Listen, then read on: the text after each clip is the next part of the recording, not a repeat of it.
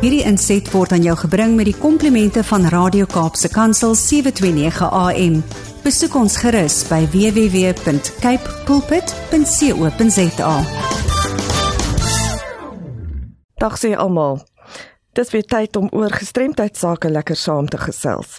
Ek is Erika de Tooy. Ons gesels vandag oor hoe woorde denkwyses beïnvloed. En hierdie is vir my so 'n kernsaak dat ek dit ook in Engels vir julle gaan deurgee.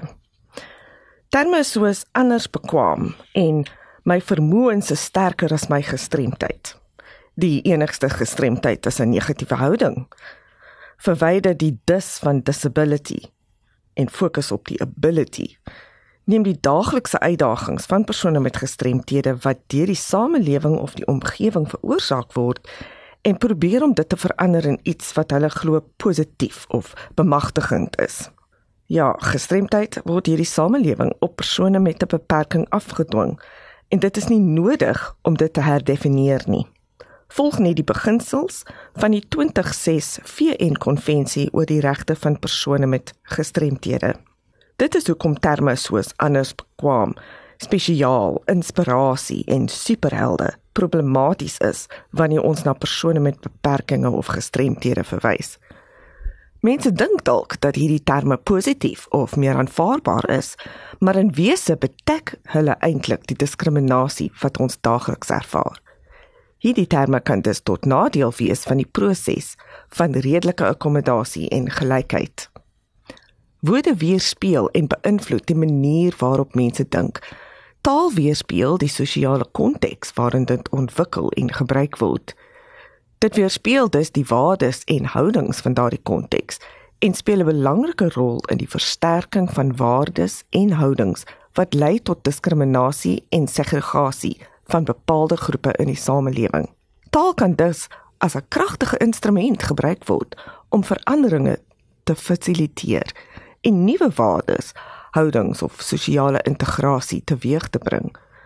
In onlangse jare het persone met gestremthede aanspraak gemaak op individuele en kollektiewe regte en probeer om hulle omstandighede gedeeltelik te verander deur die woorde wat gebruik word om hulle te beskryf. Negatiewe woorde en stereotypes is 'n hindernis om die realiteit van gestremdheid te verstaan. Misleide taal en heersende houdings bevorder uitgedateerde oortuigings dat persone met gestremthede ly, siek is, benadeeld of behoeftig is en in die algemeen nie soos ons is nie.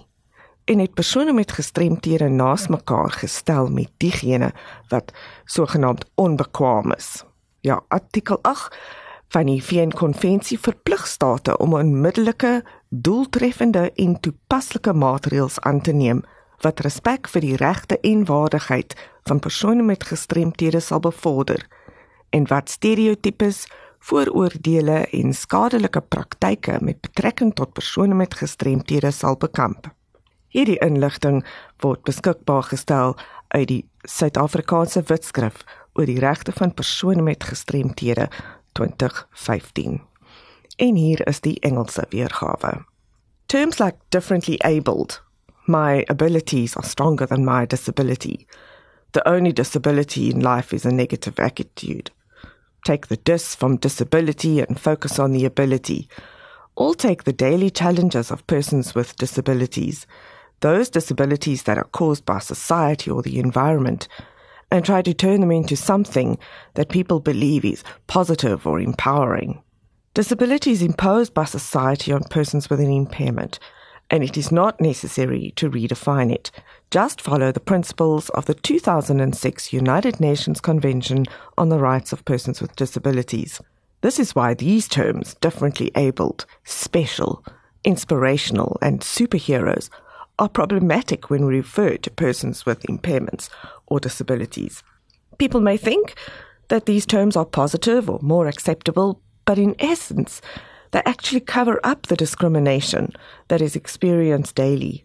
These terms can therefore be detrimental to the process of reasonable accommodation and equality.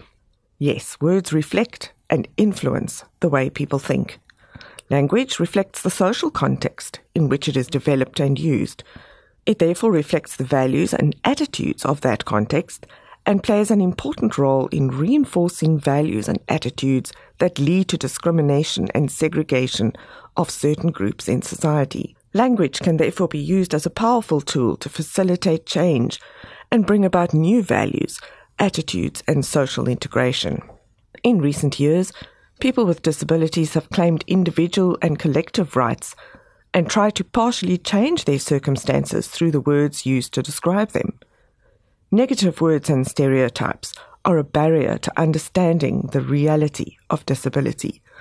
Misleading language and prevailing attitudes promote out of date beliefs that persons with disabilities are suffering, are sick or disadvantaged, even needy, and generally not like the rest of us, and have juxtaposed persons with disabilities with those who are inefficient, in inverted commas.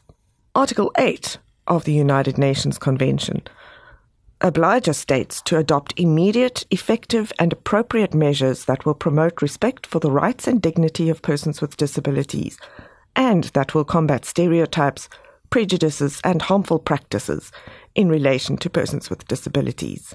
Please explain to those involved, especially parents, employers, and the wider community, the policy directives in dealing with the term impaired and the concept of disability.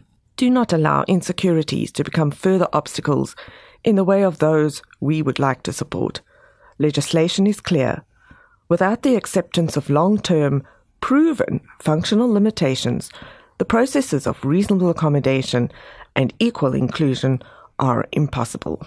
This information was made available through the South African White Paper on the Rights of Persons with Disabilities. Nou ja, dis al waarvoor ons vandag tyd het, maar stuur gerus enige navrae, kommentaar aan my Erika de Toy by awareness@wcapd.org.za of skakel my kantoor by 021 355 2881. Hierdie inset was aan jou gebring met die komplimente van Radio Kaapse Kansel 729 AM. Besoek ons gerus by www.cape pulpit.co.za.